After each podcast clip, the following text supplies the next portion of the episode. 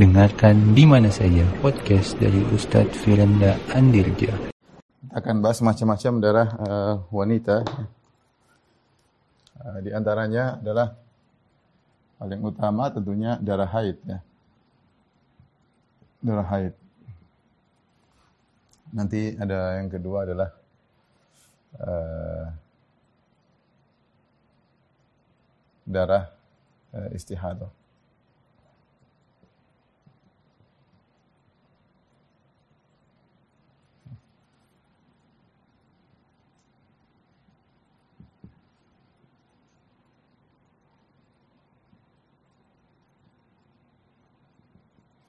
Kemudian nanti ada namanya uh, darah nifas ya.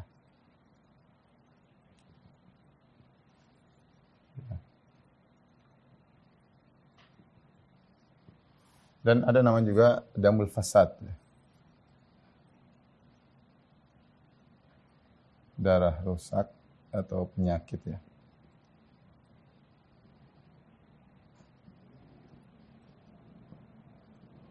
Tapi ini yang uh, kita ini macam-macam secara umum tentang apa namanya uh, macam-macam darah yang ada pada wanita ya. Tapi kita akan bahas satu persatu. Ada yang pertama adalah darah uh, haid ya. Pembahasan tentang darah haid memang pembahasannya sangat uh, panjang, terjadi khilaf yang uh, kuat di kalangan para ulama. Namun saya mau kasih mukadimah ya. Uh, secara medis ya.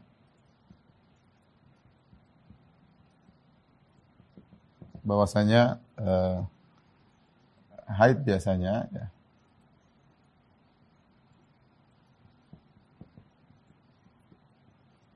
uh, rentannya misalnya 3 sampai 7 hari ya atau 8 hari ya. Terus kemudian uh, siklus haid yaitu dari haid sampai selesai sampai haid berikutnya yaitu menurut para dokter 21 hari sampai 35 hari ya. 21 hari sampai 35 hari ya. Kemudian eh, ini juga bisa berubah ya. Jika ada sebab tertentu atau penyakit tertentu, ada kasus tertentu maka keduanya bisa berubah. Namun ya yang semua yang di atas bisa berubah ya. Jika ada uh, sebab tertentu atau penyakit penyakit tertentu. Tidak normal ya kalau menurut mereka ya tertentu. Misalnya siklus haid ternyata kurang dari 21 hari. Siklus haid ternyata mungkin cuma 15 hari terjadi dan ada nama-nama istilah ilmiahnya. Ketika itu uh, dalam kurung haid bisa jadi bisa jadi lebih dari uh, tujuh hari dan siklus siklus haid bisa kurang dari 21 hari atau lebih lebih dari 35 hari ya. Ini secara kedokteran bisa terjadi dan masing-masing ada istilahnya. Bagaimana kalau siklus berkurang, bagaimana kalau siklus uh, bertambah ya. Bagaimana kalau haid haid bisa uh, bertambah. Tapi ini uh, secara medis ya, karena ini penting untuk kita ketahui dan Allah berfirman fasalu ahla dzikri in kuntum la ta'lamun. Bertanyalah kepada ahlu dzikir yaitu ahli ilmu di bidangnya, uh, spesialisnya jika kalian tidak mengetahui. Karena mas ini sangat penting ketika uh, kita bahas masalah haid dalam keseharian, demikian juga ketika kita bahas tentang masalah Eh, musim haji ketika ada orang minum obat penunda haid ternyata keluar darah. Ini sering kita menghadapi kasus seperti ini ketika musim haji ya. Maka kita harus mengerti tentang apakah darah yang keluar setelah minum obat penunda haid ini darah haid atau bukan. Ini yang paling ngerti adalah para dokter karena akan ditanya kapan minumnya, bagaimana cara minumnya, ada kemungkinan darah haid atau bukan atau damul air, damul air itu maksudnya darah pembuluh darah bukan bukan darah yang keluar menurut e, mekanisme haid ya. Ini perlu diketahui oleh para pembimbing ya dengan bertanya kepada para dokter sehingga ngerti sehingga ketika dia berfatwa uh, dia dia bisa lebih tepat dan ini uh, kita dengar dari Syekh Utsaimin rahimahullah. Jadi ketika Syekh Utsaimin rahimahullah ditanya dalam sebuah pertanyaan dia bilang tanyakan ke dokter. Ya. Tanyakan ke dokter. Dokter lebih ngerti tentang kasus-kasus seperti ini ketika minum Eh, karena ketika minum obat penunda haid, dia ada sistem ya, sistem mengeluarkan homo, hormon atau eh, mencegah munculnya hormon ya, eh, sehingga akhirnya terjadi eh, tidak tidak terjadi haid ya. Ini semua eh, yang mengerti adalah para para dokter. Taib inilah secara eh, secara medis ya. Taib eh, adapun berkaitan dengan fikih yang berlaku dengan masalah haid ya. Beberapa hal ya fikih berkaitan dengan haid.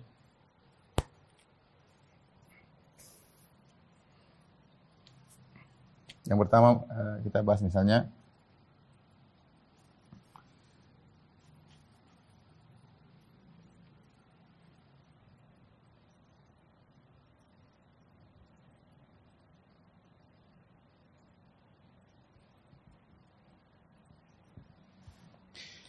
Eh, yang pertama adalah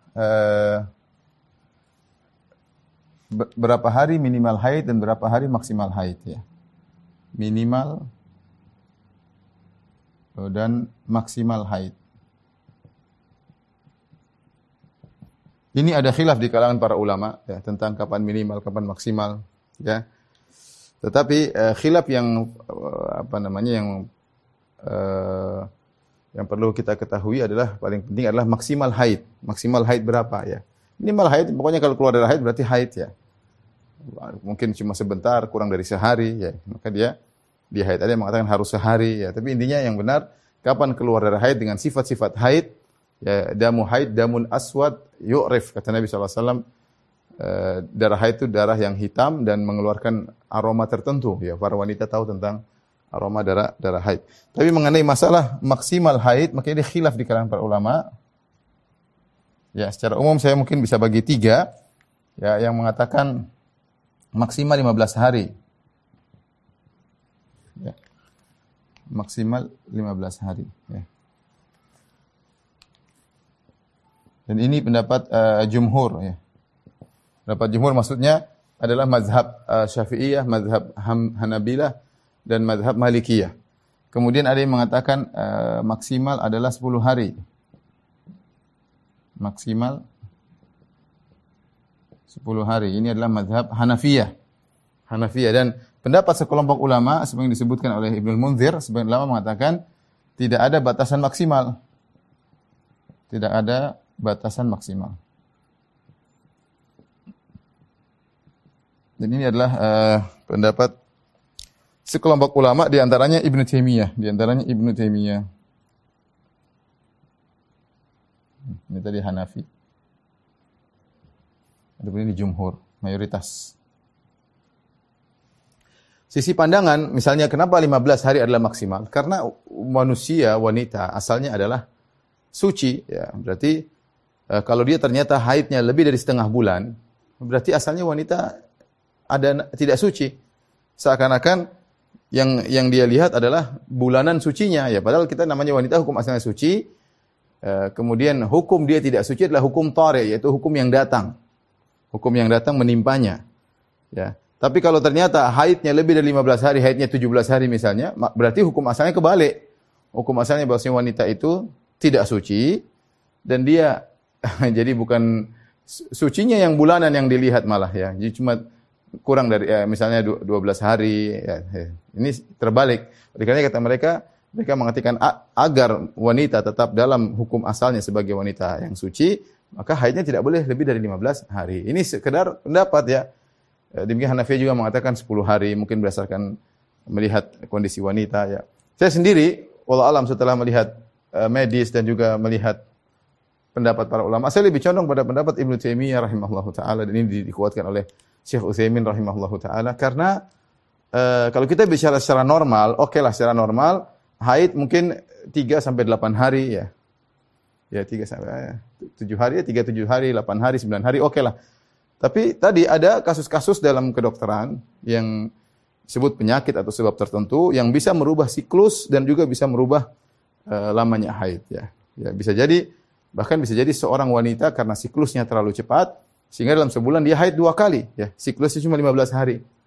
Dari haid pertama sampai kemudian bersih, kemudian haid kedua cuma 15 hari.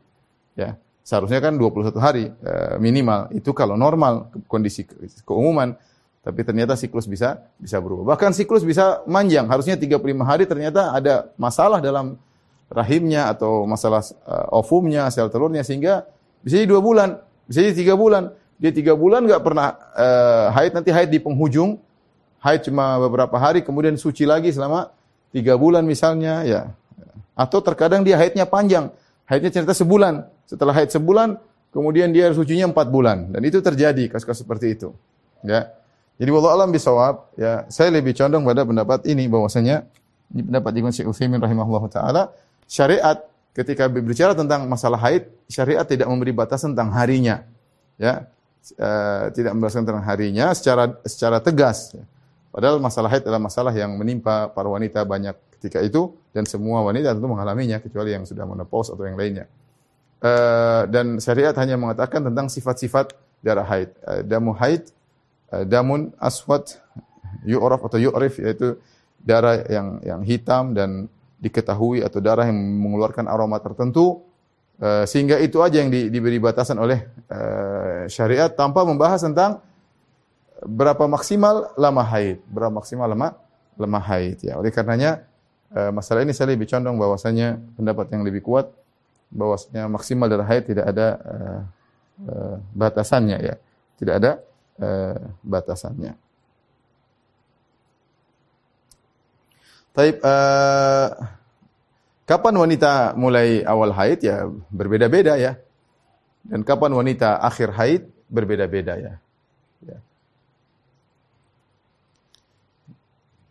Uh, ada wanita yang umur 9 tahun sudah haid ya. Indonesia rata-rata mungkin 12, 13 ya. Tapi kalau di Arab mungkin ada yang haidnya cepat. Oleh karenanya Ibn uh, Imam Syafi'i rahimahullah taala pernah berkata, "Aku bertemu dengan seorang nenek umurnya 21 tahun. Aku bertemu dengan seorang nenek umurnya 21 tahun ya.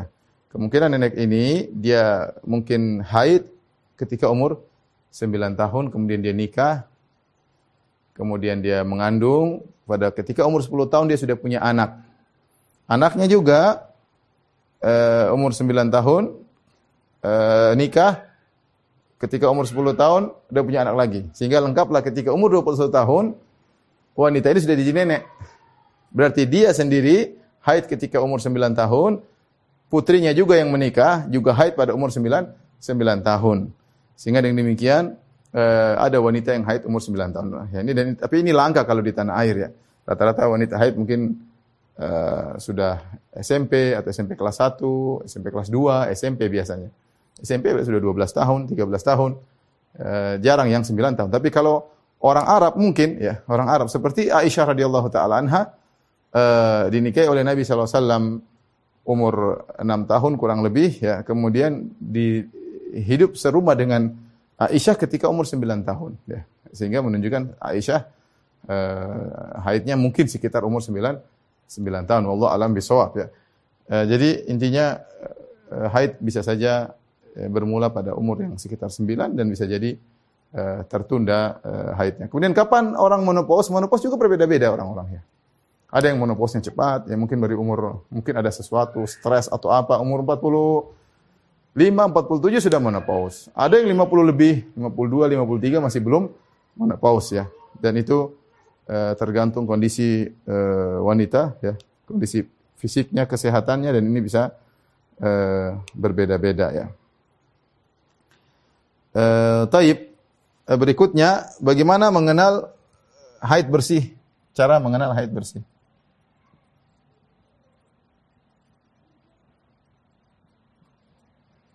Bersih dari haid. Dulu para wanita di zaman Aisyah radhiyallahu taala mereka bertanya kepada Aisyah, tentang saya sudah bersih atau tidak, maka disuruh meletakkan kurs atau, atau kut, kut, kutun ya, kain atau semacam tisu untuk meng, uh, apa, mengambil sesuatu dari kemaluan mereka ditunjukkan kepada Aisyah ya. Makanya Aisyah mengatakan la ta'jalna ya, jangan kalian terburu-buru sampai kalian melihat qassatul bayda. Al-qassatul bayda yaitu cairan bening yang menunjukkan bahwasanya darah sudah selesai. Jadi caranya uh, dengan melihat ya yaitu munculnya munculnya al qassatul bayda yaitu uh, cairan bening di penghujung haid. Penghujung haid. Jadi kalau sudah kelihatan uh, cairan bening di penghujung haid, maka itu berarti sudah sudah suci. Ya. Adapun al-qudrah dan sufrah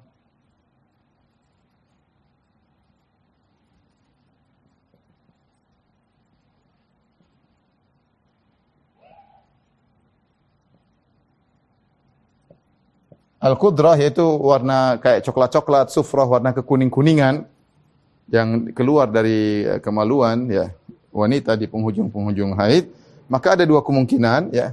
Jika jika sebelum al-qassatul bayda, cairan bening maka masih dianggap haid, maka dianggap haid. Adapun jika setelah cairan bening setelah cairan bening maka tidak dianggap tidak dianggap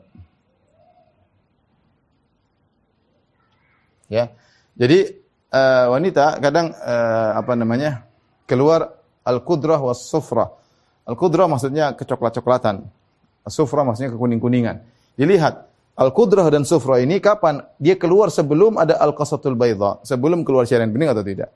Kalau ternyata menjelang haid, di sini kan darah semakin berkurang. Darah semakin berkurang dari tadinya merah, dari tadinya hitam, kemudian merah, mulai menjadi coklat-coklat, menjadi kuning-kuning. Selama belum keluar Qasatul Bayda, belum keluar cairan bening, maka masih dianggap darah haid. Masih dianggap darah haid. Ya. Tapi kalau ini jadi, kalau jika keluarnya sebelum cairan bening, maka dianggap haid. Tapi jika setelah cairan bening, maka bukan haid lagi. Namun ketika itu muncul al-qasatul bayadha, cairan bening, ya, cairan bening uh, yang menunjukkan sudah bersih. Setelah itu muncul coklat-coklat, kuning-kuning maka dia enggak dianggap. Sebagaimana perkataan para sahabat, kunna uh, kunna uh, la na'uddu al-qudrah was sufra ba'da at-tuhr syai'an. Kami dahulu para sahabiah tidak memandang uh, cairan yang coklat-coklat atau kuning-kuning setelah keluar cairan bening tidak dianggap sebagai apa pun. Jadi tidak ada pengaruhnya. Ya karena sebagian wanita, waduh, sudah bening loh, masih keluar lagi nih, masih ada coklat-coklat, gimana bercak-bercak? Tidak dianggap. Lihat bercak-bercak tersebut keluarnya kapan? Kalau sebelum qasatul bayda, maka dianggap haid.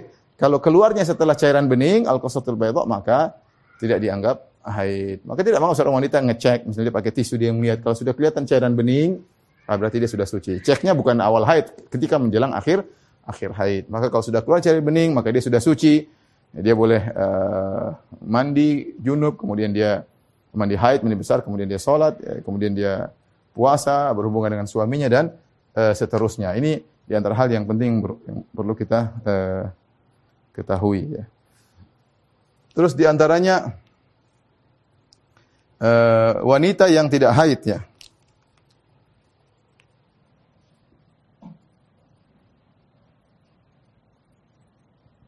Yang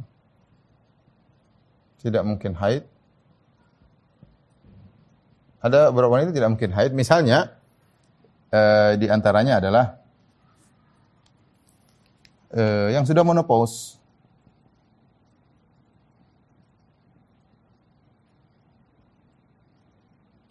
Sudah menopause ya sinul ya'as maka tidak ada haidnya. Ya, dia sudah umur 60 ada keluar darah bukan haid. Jelas bukan haid karena haid mekanisme jelas. Haid adalah sel ovum yang kemudian tidak tidak dibuahi kemudian rusak ya beserta dengan lendir atau selaput yang ada di rahim kemudian keluar jadilah darah. Mekanisme haid secara kedokteran jelas ya. Jadi e, kalau sudah menopause keluar darah itu bukan darah haid, namanya damul fasid, damul fasad. Darah rusak. Kemudian uh, contohnya sudah yang kedua misalnya uh, yang rahimnya diangkat. Ya ini saya nggak tahu coba tanya dokter ya. Saya saya belum memastikan wanita yang yang rahimnya diangkat. apakah masih mungkin haid atau tidak? Nah, saya belum sempat baca ya. Tapi nanti itu mudah tinggal tanya dokter. Mungkin ada dokter yang hadir bisa pastikan apakah mungkin dia ada darah haid secara kedokteran. Kita bicara mekanisme kedokteran ya. Mungkin nggak wanita yang rahimnya haid? Uh, ini saya belum cek ya. Tapi secara saya pikir karena saya mungkin tidak ada haidnya. Tapi yang lebih tahu dokter nanti ditanya ya. Kemudian uh, misalnya uh, wanita hamil. Ini juga nggak mungkin haid. Ada keluar darah, bukan darah haid. Pasti bukan darah haid. Karena eh, sistem mekanisme bukan mekanisme haid. Maka mekanisme haid, maka dia nggak mungkin haid. Dia nggak mungkin haid. Wanita hamil keluar darah, dia nggak mungkin haid ya. Terjadi zaman dulu mungkin orang tidak tahu ada wanita keluar darah, apakah dia haid atau tidak ya. Dulu orang nggak ngerti, tapi zaman sekarang zaman modern, zaman medis sudah canggih, mereka tahu ini bukan haid karena mekanisme tidak mungkin bisa menimbulkan mekanisme haid. Ya, mekanisme haid jelas bahwasanya ada sel ovum yang ini kemudian terjadi uh, apa runtuhan dari apa selaput apa kemudian keluar menjadi jadi darah. Jadi wanita hamil tidak mungkin uh, haid.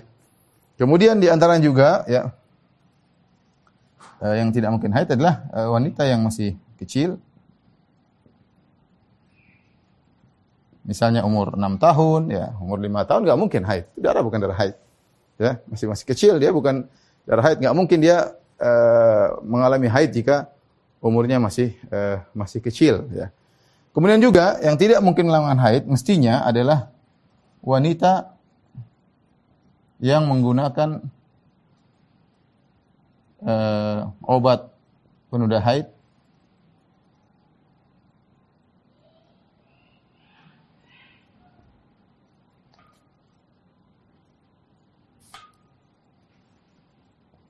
dengan dosis yang tepat, waktu yang dosis dan waktu yang tepat. Sesuai dengan anjuran dokter ya. Waktu yang tepat. Dengan sesuai dengan anjuran dokter, maka harusnya dia tidak haid. Harusnya dia tidak tidak haid. Dan ini sudah saya, saya diskusikan sama eh, sebagian dokter ahli kandungan ya. Karena uh, intinya obat tersebut digunakan untuk apa namanya mengelabui istilahnya sistem tubuh sehingga entah keluar hormon nggak keluar hormon sehingga intinya kalau ada darah yang keluar maka itu bukan darah haid karena mekanismenya bukan mekanisme uh, darah haid. Tetapi yang jadi masalah banyak ibu-ibu ketika mereka haji atau mereka umroh uh, mereka ternyata tidak minum obat penunda haid dengan mekanisme yang tepat. Itu jadi masalah dengan cara minum yang tepat jadi masalah atau mungkin beli obat murahan kali ya, nggak tahu. Intinya seharusnya wanita-wanita ini tidak haid. Sehingga kalau ada darah haid yang keluar dari mereka, maka itu darah rusak ya. Darah fasid, yaitu darah pembuluh darah yang kemudian uh, ada keluar darah atau robek atau yang lainnya ya. Ini uh, yang perlu kita uh, ketahui ya. Kita ketahui.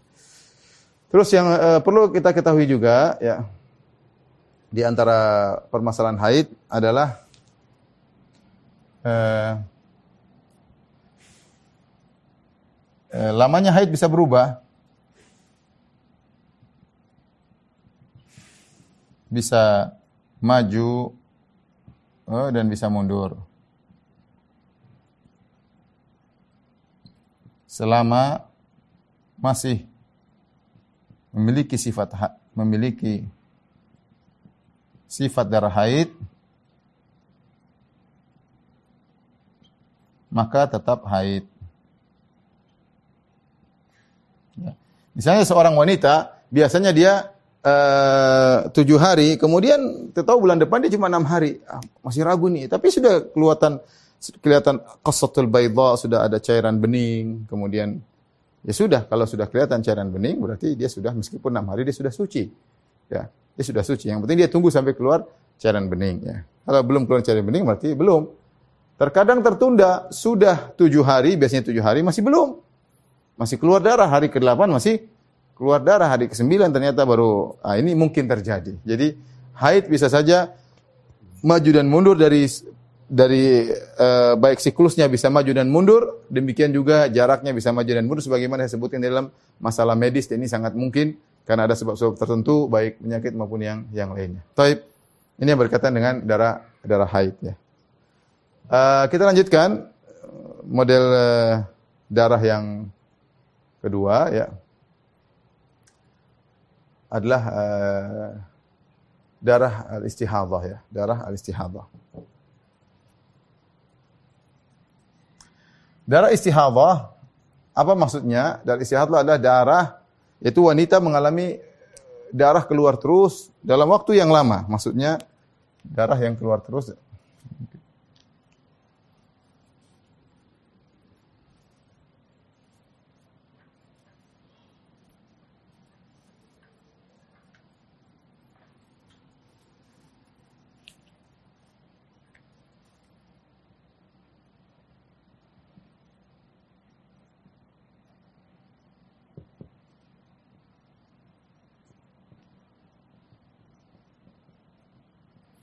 Dan darah ini maksudnya keluar terus menerus, ya. Darah keluar dari kemaluan terus menerus. Terus menerus tidak berhenti. Bisa berbulan-bulan, bisa bertahun-tahun ya. Bisa berbulan-bulan. Bisa bertahun-tahun. Bisa berbulan, bisa bertahun-tahun ya. Taib. Uh, bagaimana hukum wanita yang darahnya darah istihadhah ya?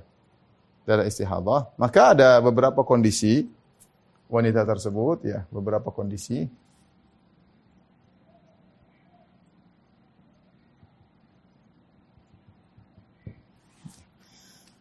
Uh, pertama jika dia tahu sebelum istihadhah ya sebelum istihadhah sebelum mengalami istihadhah dia tahu uh, jadwal jadwal haidnya. Haidnya dan berapa harinya.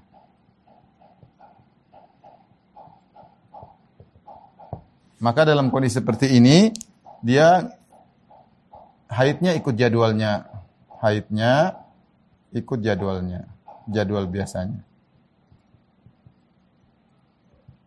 Misalnya wanita sebelum sebelum uh, mengalami istihadhah, dia uh, ternyata haidnya selalu di awal bulan. Haidnya selalu di awal bulan. Ya, selalu awal bulan dia hitung setiap setiap. Jadi setiap awal bulan dia tahu tujuh hari, tiga hari. Dia ngerti lah. Dia ngerti. Ketika dia ngerti, ya sebagian wanita gitu, selalu mundur.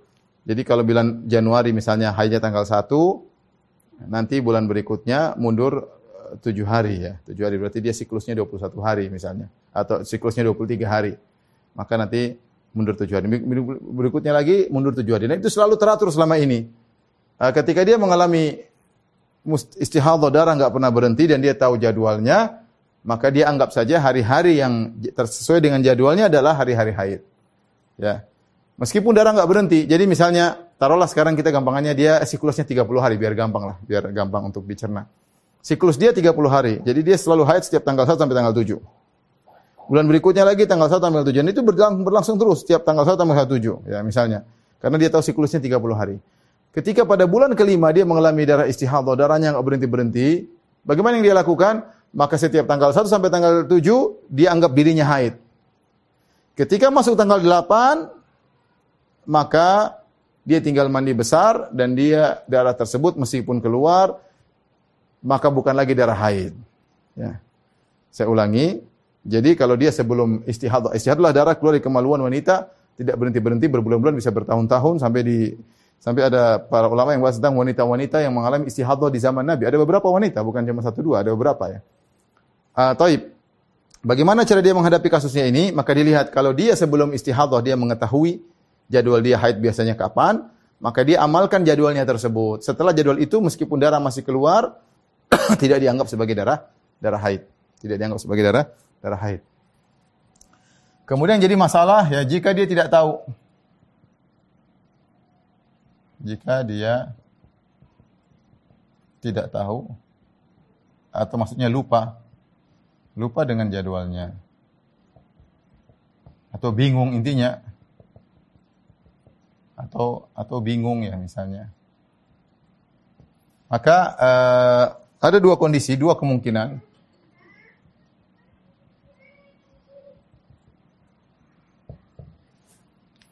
Yang pertama, dia bisa membedakan. Bisa membedakan ciri darah haidnya dengan darah istihadah. Kalau dia bisa membedakan, oh ini selagi haid, ini bukan, maka dia amalkan dengan ilmunya tersebut.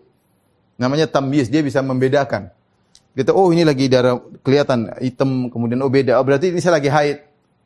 Nah, setelah itu ternyata setelah seminggu darahnya bukan seperti darah yang tadi, ah, berarti istihadah.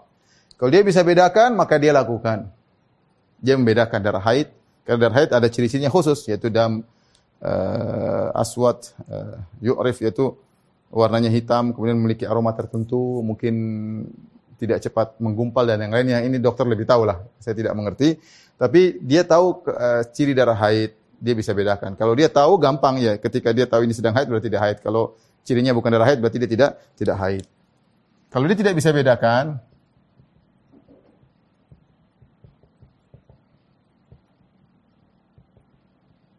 bahkan maka ada dua kemungkinan. Eh, dua kemungkinan.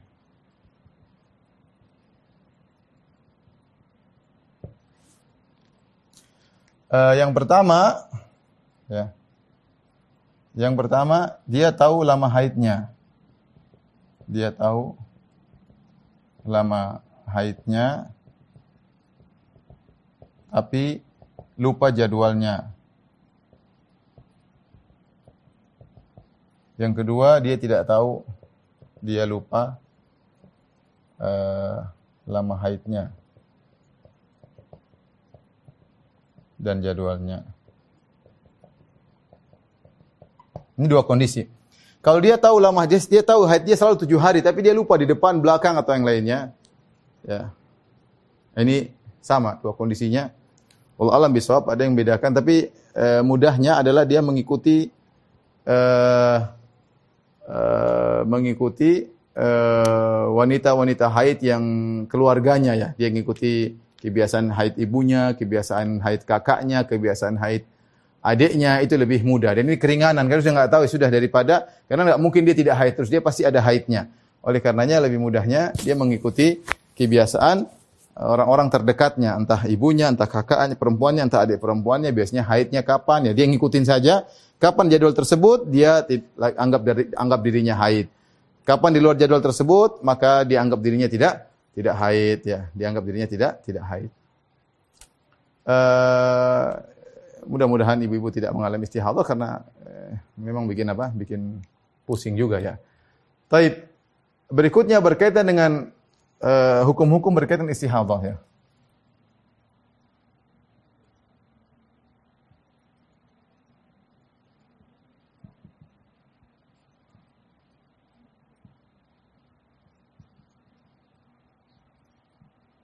Uh, tentunya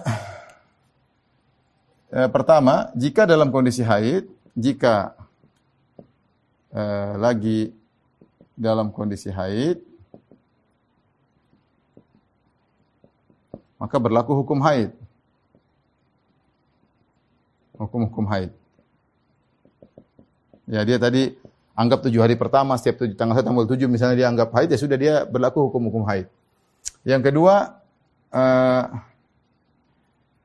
cara bersih dari darah istihadah.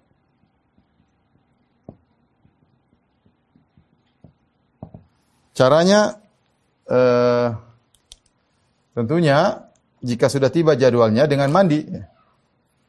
Sama yaitu dengan mandi besar. Jika sudah selesai jadwal haidnya.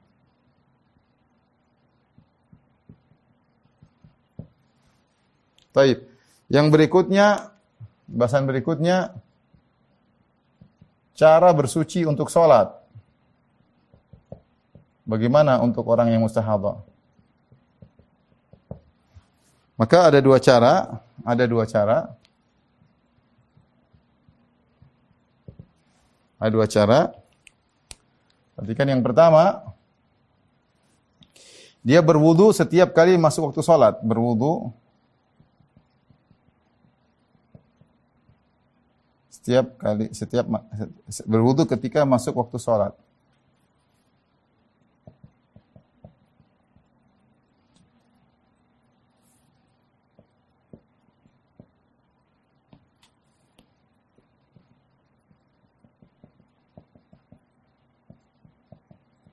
Setelah itu meskipun keluar darah tidak batal wudhunya.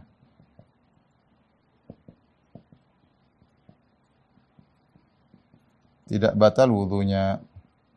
Jadi tidak perlu mandi lagi, ya. Ya misalnya saya sudah mandi besar, uh, wanita haid istihadah, kemudian dia sudah mandi besar sudah mandi besar ya sudah. Kemudian setiap misalnya sholat duhur, ah, dia wudhu ketika sholat duhur. Dia nggak perlu mandi lagi karena dia sudah bersih dari haid. Meskipun keluar darah, maka dia berwudhu. Ketika dia berwudhu waktu duhur, silakan dia sholat qobliyah meskipun keluar darah. Kemudian dia sholat duhur, kemudian dia sholat ba'diyah, kemudian baca Quran. Silakan karena mas itu semua darah tidak membatalkan wudhunya. Kenapa? Karena itulah uzur syar'i yang Allah berikan kepada kepada dia. Nanti kalau dia asar dia pingin sholat ya wudhu lagi ya. Uh, yang kedua, cara yang kedua adalah uh, dia mandi uh, menjelang menjelang akhir sholat yang bisa dijamak. Maksudnya begini, dia pingin sholat, jadi yang, yang pertama wudhu, yang kedua mandi. Bagaimana caranya? Misalnya dia pingin uh, sholat duhur dan asar. Misalnya sholat asar jam 3, jam 3. Maka dia mandi menjelang akhir sholat duhur. Kemudian dia sholat duhur jam 3 kurang 10 misalnya. Jam 3 kurang 10 dia sholat duhur. Kemudian dia langsung lanjut dengan sholat asar. Gak ada masalah seperti itu. Tapi dia mandi. Ini pernah dilakukan oleh juga seorang uh, wanita. Tapi mandi tidak wajib, ya mandi tidak wajib. Artinya, artinya ini ada keringanan. Dia tidak menjamak sholat, tidak. Tetapi dia mengakhirkan waktu sholat duhur agar menjelang waktu sholat asar, kemudian dia sholat asar di waktunya. Sama antara maghrib dan isya. Mungkin dia mengakhirkan waktu sholat maghrib, dia mandi, kemudian dia sholat maghrib. Setelah itu beberapa menit kemudian sholat isya, dia lanjut sholat isya. Tapi yang uh, lebih mudah adalah wudhu, tidak wajib untuk tidak wajib untuk mandi, tidak wajib untuk mandi. Ya. Uh, yang berikutnya.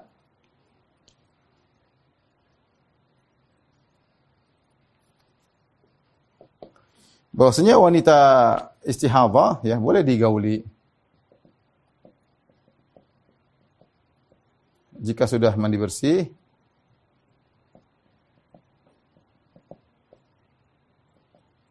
Boleh baginya. Apa yang boleh boleh bagi bagi wanita uh, suci. Yaitu maksudnya apa? Boleh digauli oleh suaminya meskipun keluar darah. Boleh dia uh, berpuasa, wajib untuk sholat. Berlaku seperti wanita bersih. Meskipun darah keluar. Karena darah tersebut adalah darah yang uh, uzur. Darah yang uzur. Tapi ini berkaitan dengan istihadah. Yang berikutnya adalah uh, darah nifas. Ya.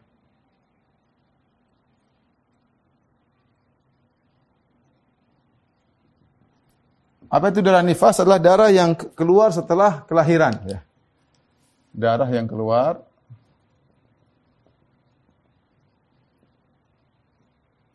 setelah kelahiran. Bagaimana kalau darah tersebut keluar menjelang kelahiran? Wallah alam bisawab. Ya. Ada yang mengatakan tidak dianggap darah nifas, ada yang menganggap dianggap darah nifas. Tapi secara umum para fuqaha ketika mengatakan uh, darah nifas adalah darah yang keluar setelah kelahiran. Apakah kelahiran tersebut kelahiran anak normal atau keguguran atau keguguran darah yang keluar setelah keguguran jika uh, janin tersebut sudah berbentuk sudah berbentuk jadi misalnya keguguran umur 3 bulan, 4 bulan, tapi janin sudah kebentuk, maka itu juga darah darah nifas. Itu juga darah uh, darah nifas ya. Nah, darah nifas ini hukumnya sama seperti darah haid ya. Hukumnya sama dengan darah haid. darah nifas hukumnya sama dengan darah haid. Tidak boleh mandi, tidak boleh eh, tidak boleh sholat, tidak boleh puasa dan yang lain-lain ya. Uh, timbul khilaf di kalangan para ulama berapa lama uh, maksimal darah nifas ya. Berapa lama maksimal darah nifas. Adapun minimal tidak ada, pokoknya kapan sudah suci, lima hari, tujuh hari sudah bersih, selesai. Menurut medis, biasanya darah nifas itu adalah uh, kali tujuh, uh, tujuh kali tujuh, enam minggu, sekitar 42 hari. Dan oleh karenanya banyak ulama di zaman dulu mengatakan mereka kalau sudah wanita, sudah nifas, lebih dari 40 hari tidak dianggap nifas lagi. Sudah tidak dianggap nifas lagi, ya dianggap mungkin uh, darah yang rusak, ya, sehingga tidak berlaku. Ya.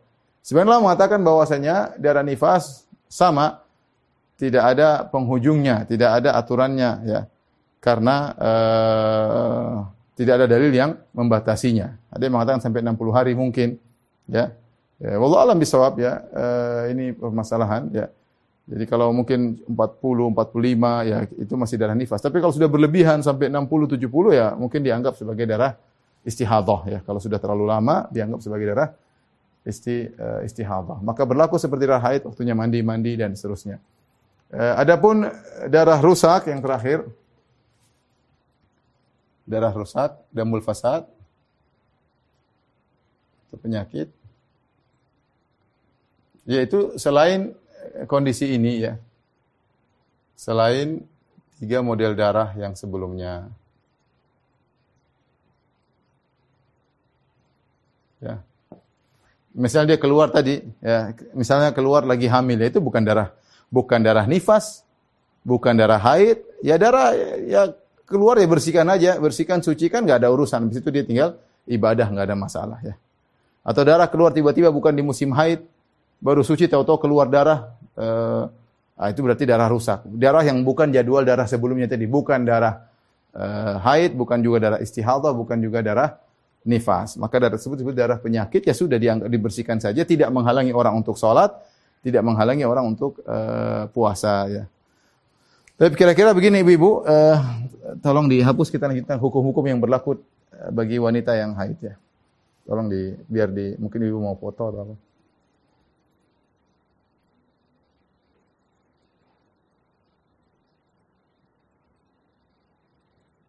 Taib, uh, selanjutnya kita akan bahas tentang uh, secara singkat insyaallah taala uh, tentang hal-hal yang berkaitan dengan uh, wanita haid ya. Apa saja yang boleh, apa saja yang tidak uh, tidak boleh ya. Demikian juga wanita yang nifas. Tentunya yang pertama adalah salat. Adapun salat wanita haid, wanita nifas tidak boleh salat. Ya, sampai haidnya bersih, sampai nifasnya bersih. Lain hanya dengan yang darah istihadah maka dia sholat ya. Demikian juga darah fasid, darah yang rusak juga dia sholat. Karena darah fasid atau darah istihadah tidak menghalangi untuk sholat dan puasa dan yang lainnya. Sama seperti wanita bersih, cuma dia ada penyakit darah keluar terus. Nanti kalau waktu mau sholat baru dia berwudu. Kemudian para ulama khilaf juga tentang wanita haid boleh baca Quran atau tidak. Wanita haid boleh baca Quran atau tidak. Jumhur ulama mengatakan tidak boleh ya, mereka mengkiaskan dengan orang junub ya. Namun ini Allah alam eh, pendapat yang lebih kuat tidak jadi masalah eh, bagi wanita yang eh, dalam kondisi haid baca Al-Qur'an karena tidak ada dalil yang tegas melarang wanita haid untuk baca eh, Al-Qur'an ya. Tapi jangan dia pegang Al-Qur'an secara langsung ya. Uh, dia bisa pegang dengan sarung tangan atau dia bisa baca lewat HP ya. Uh, terutama wanita-wanita yang punya hafalan dan mereka, mereka ingin murojaah ya Eh, maka yang benar tidak mengapa ini pendapat uh, Syekh Utsaimin dikuatkan oleh Syekh Utsaimin rahimahullahu taala. Adapun zikir bebas. Zikir mau haid, mau junub enggak ada masalah. Jadi masalah baca Quran. Untuk orang junub tidak baca Quran, tapi wanita haid apakah juga tidak boleh baca Quran sama seperti junub? Pendapat yang lebih kuat tidak mengapa wanita haid karena haid tidak bisa dikiaskan dengan junub. Dari dua sisi. Sisi pertama bahwasanya orang uh, junub biasanya karena keinginannya dia junub ya. Kemudian yang kedua kalau orang junub itu dia bisa langsung menghilangkan junubnya dengan mandi. Adapun haid bukan dari keinginannya. Begitulah kondisi wanita. Inna hadza amrun katabahu Allah ala banati Adam. Kata Nabi kepada Aisyah, inilah perkara haid adalah perkara yang Allah telah kodratkan kepada uh, putri-putri Adam, kepada wanita. Uh, yang kedua, uh, kalau orang junub, dia bisa hilangkan junubnya dengan mandi. kapan saja selesai. Adapun haid tidak bisa dia mandi, dia harus nunggu sampai haidnya bersih baru boleh boleh mandi. Kemudian wanita haid tidak boleh puasa, tidak boleh puasa. Ya, namun eh, kalau sholat tidak perlu dia kodok, kalau puasa dia harus harus kodok. Kemudian wanita haid tidak boleh dijimai, tidak boleh dijimai. Dia boleh di, di, digauli oleh suaminya dari sebagian seluruh tubuhnya, cuma hanya saja tidak boleh kemaluan suaminya masuk ke kemaluan istrinya. Adapun selain daripada itu maka tidak jadi uh, masalah ya. Uh, sampai dia bersuci sampai dia mandi junub ya. Ya yas'alunaka 'anil mahid qul huwa adzan fa'tazilun nisaa fil mahid wa la taqrabuhunna hatta yatahhurn fa idza tatahharna fa'tuhunna min haitsu amarakumullah. Ya kata Allah Subhanahu wa taala mereka bertanya kepada engkau wahai Muhammad tentang haid katakanlah bahwasanya uh, itu adalah kotoran maka janganlah kalian mendekati wanita jangan menggauli wanita sampai mereka suci sampai bersih. Kalau sudah suci fa idza tatahharna kalau mereka mandi junub maka boleh digauli. Jadi wanita haid kalau sudah bersih belum boleh belum boleh langsung digauli, harus mandi junub dulu. Harus mandi junub menurut pendapat jumhur ulama. Menurut pendapat yang lain tidak harus mandi junub, cukup berwudu atau membersihkan boleh bergaul. Tapi yang lebih hati-hati bahwasanya kalau wanita haid sudah bersih tidak boleh langsung digauli, tapi dia harus uh, mandi junub dulu baru kemudian digauli oleh baru boleh digauli oleh uh, suaminya. Karena Allah mengatakan hatta yatuhur sampai dia suci fa idza tataharna. Kemudian jika dia telah bersuci. Beda antara suci dengan bersuci. Dia harus menggabungkan keduanya. Suci dulu yaitu darahnya sudah putus, kemudian sudah selesai, kemudian bersuci yaitu mandi mandi besar. Wanita haid bersucinya dengan mandi uh, uh, mandi besar ya. Adapun menggauli wanita dari sisi yang lain dari bagian tubuh yang maka tidak jadi masalah. Kata Rasulullah SAW, Isna kulla syai'in illa nikah. Isna kulla syai'in illa nikah. Ketika ditanya, ya Rasulullah bagaimana wanita haid? Kata Rasulullah, lakukan semuanya yang kau kehendaki kecuali jangan digauli di kemaluannya. Jangan kemaluan masuk ke kemaluannya. Selain itu tidak ada masalah. Uh, berbeda orang Yahudi, kalau Yahudi istrinya haid tidak boleh makan bareng, tidak boleh tidur bareng. Islam tidak. Wanita haid boleh. Bahkan uh, Rasulullah pernah di pangkuan Aisyah baca Quran sementara Aisyah adalah wanita yang yang haid ya. Uh, Rasulullah juga pernah disisir rambutnya sementara Aisyah sedang haid. Jadi tidak jadi masalah uh, menggauli wanita ketika haid kecuali pada kemaluannya itu yang tidak diperbolehkan. Uh, Kemudian juga di antara permasalahan yang berkaitan dengan haid adalah bolehkah wanita haid menetap di masjid? Makanya ada khilaf yang panjang di kalangan para ulama. Saya lebih condong bahwasanya tidak jadi masalah uh, wanita yang haid di masjid dengan syarat dia bisa menjaga darahnya tidak sampai mengotori masjid. Uh, karena Nabi mengatakan haidatuki laisat fi yadiki. Wahai Aisyah, haidmu bukan di tanganmu. Waktu Aisyah ada masuk ke masjid ngambil sesuatu. Jadi selama bersih uh, tidak jadi masalah. Nanti dia pakai pembalut dengan baik, kemudian kalau dia ikut pengajian masuk masjid, uh, tidak jadi masalah. Allah alam bisawab. Sebagian banyak jumhur mengatakan tidak boleh, kecuali hanya lewat. Kalau tidak tidak penting, akalnya lewat tidak ada masalah. Tapi kalau menetap, jumhur ulama mengatakan tidak boleh. Saya lebih condong tidak jadi masalah. Yang penting dia memakai pembalut karena agar tidak menajisi uh, masjid. Kemudian di antaranya uh, haid juga berkaitan dengan wanita. Apakah boleh laki mencerai wanita dalam kondisi haid? Jawabannya tidak boleh wanita yang haid tidak boleh diceraikan oleh suaminya. Barang siapa yang menceraikan istrinya, wanita istrinya dalam kondisi haid, maka dia berdosa. Disebut dengan talak bid'i, dia telah berdosa. Tidak boleh menceraikan istri dalam kondisi haid, haram hukumnya. Ya. Kapan seorang laki boleh menceraikan istrinya? Boleh kalau dia menceraikan istrinya di mana istrinya suci belum dia gauli, itu baru dia ceraikan. Adapun istrinya suci sudah dia gauli, maka ini tidak boleh. Demikian juga kalau istrinya haid, maka tidak boleh di, diceraikan dia ingin menceraikan maka harus ceraikan istrinya dalam kondisi suci. Belum dia gauli ya. Belum dia gauli ya. Ini baru uh, kalau ada pun wanita lagi haid diceraikan maka ada khilaf. Ya. Apakah tolaknya dianggap atau tidak? Jumhur mengatakan meskipun haram tetap jatuh talak. Syekh Islam Ibnu Taimiyah rahimahullah mengatakan tidak ya. Dan ini dikuatkan oleh Syekh bin Bas rahimahullah taala bahwasanya talak seorang laki kepada wanita yang dalam kondisi haid tidak dianggap sebagai talak dan dia berdosa Kemudian bolehkah menikah dengan wanita dalam kondisi haid? Boleh, nggak jadi masalah. Wanita haid kita eh, menikah dalam akad nikah dalam kondisi haid tidak jadi masalah, tapi tidak boleh digauli ya karena dia masih haid ya. Kecuali di selain kemaluannya. Eh, demikian juga eh, wanita haid bolehkah dia berihram? Boleh. Ini sering salah dipahami oleh banyak wanita ketika mereka ihram dia lagi haid dia tidak mau ihram. Padahal boleh ihram. Nggak jadi masalah. Yang penting tawafnya jangan dalam kondisi haid. Sampai di Mekah tunggu dulu sampai bersih baru kemudian eh, kemudian baru dia tawaf ya. Jika wanita haid, kemudian haidnya sudah bersih, dia ingin bersuci ternyata dia tidak bisa gunakan air musim dingin misalnya atau dia lagi sakit maka itu cukup tayamum mengganti mandi bersih tersebut. Tapi ini saja kira-kira ibu-ibu ya eh, mudah-mudahan ibu-ibu paham ya tentang masalah ini ya memang masalah yang pelik juga ya, jadi menjadi pelik kalau kita mengalami kondisi-kondisi yang tidak biasanya menjadi pelik bagi eh, wanita. Tapi ada yang bertanya saya persilahkan. Wallahu taala alam bisawab. Eh, saya lupa saya lupa saya ingatkan jika wanita bersih dari haid misalnya dia bersih, misalnya azan asar jam 3, tahu-tahu dia bersihnya jam 3 kurang 5. Apakah dia wajib sholat zuhur? Pendapat yang lebih kuat, 5 menit tidak cukup bagi dia untuk mandi. Mandi kemudian sholat. Oleh karenanya tidak perlu dia sholat zuhur. Tapi kalau dia misalnya sucinya 10 menit sebelum zuhur, ah, cukup bagi dia untuk mandi 5 menit, kemudian sholat, maka dia wajib dia sholat zuhur. Ya, artinya kalau dia sucinya menjelang habis waktu dan tidak mungkin untuk waktu sisa terwaktu 5 menit untuk mandi dan sholat, maka tidak perlu dia sholat waktu tersebut. Dia hanya sholat di waktu berikutnya, yang sholat yang berikutnya. Demikian juga misalnya wanita eh, haid, misalnya sholat asar jam 3. Dia jam jam 12 dia belum sholat duhur. Ketika jam 2 dia mau sholat duhur, ternyata dia haid. Nah, apakah ketika dia suci nanti dia harus mengkodok sholat duhur? Jawabannya tidak perlu. Jawabannya tidak, tidak perlu. Ya. Nah, tidak perlu. Kecuali dikatakan jika dia menunda-nunda sholat terus sampai uh, menjelang asar, ya, baru kemudian uh, kemudian dia haid, ya, maka itu tidak, maka dia harus mengkodok, ya. Maka dia harus meng mengkodok. Tapi kalau ternyata dia haid masih banyak waktu antara zuhur sampai asar, maka dia tidak perlu mengkodok salat zuhur tersebut. Ini masalah khilafiyah tapi itu pendapat yang saya lebih condong kepadanya. Wallahu alam bisawab. Demikian saja.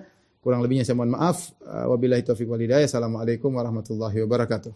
Ayo, segera download Quran Tadabbur, tafsir dalam genggaman Anda.